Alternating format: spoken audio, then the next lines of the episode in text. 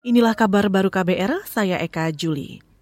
Saudara Ketua Komisi Pemberantasan Korupsi Nonaktif Firly Bahuri yakin tidak akan ditahan hari ini.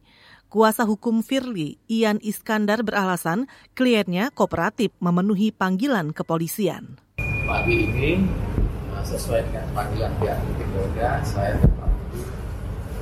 memenuhi ya panggilan tersebut. Mungkin beberapa klarifikasi aja.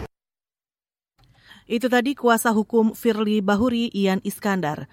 Sebelumnya, Direktorat Reserse Kriminal Khusus Polda Metro Jaya mengagendakan kembali pemeriksaan Ketua KPK nonaktif Firly Bahuri terkait kasus dugaan pemerasan terhadap bekas Menteri Pertanian Syahrul Yasin Limpo. Namun, Firly kembali mangkir dengan alasan kepentingan lain yang lebih mendesak. Kita ke soal lain. Kapolri Listio Sigit Prabowo mengklaim telah mengoptimalkan peran Satgas Pangan selama setahun terakhir. Kata dia, Satgas Pangan bekerja untuk menjaga ketersediaan dan stabilitas harga bahan pokok. Kapolri juga menyebut beras menjadi komoditas pangan yang paling banyak bermasalah di lapangan. Melakukan penegakan hukum sebanyak 54 kegiatan atau naik 12 kegiatan, 28,57 persen dari tahun 2022. Dan salah satu kasus yang menonjol yang berhasil diungkap oleh Satgas Pangan adalah penyelewengan distribusi beras sebanyak 250 ton di Banten dan telah kita tetapkan tujuh orang sebagai tersangka. Kapolri Listio Sigit Prabowo juga menambahkan, sepanjang tahun ini Satgas Pangan telah melakukan 150 ribuan upaya.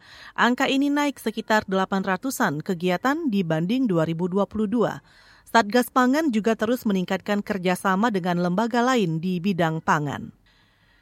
Saudara tim penyidik gabungan dari Polda Sulawesi Tengah memeriksa 14 saksi terkait ledakan tungku smelter di Morowali.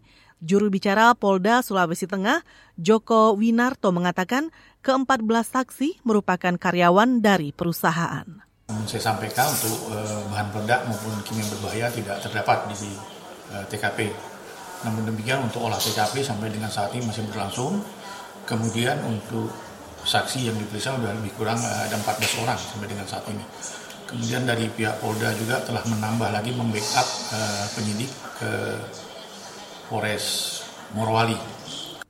Itu tadi juru bicara Polda Sulawesi Tengah Joko Winartono. Pada minggu kemarin, saudara, tungku smelter PT Indonesia Xingshan Stainless Steel atau ITSS meledak. Data terakhir dari Polda Sulawesi Tengah mencatat 59 orang menjadi korban. Tercatat 18 orang meninggal, rinciannya 8 warga asing dan 10 warga Indonesia. Saudara, demikian kabar baru saya Eka Juli.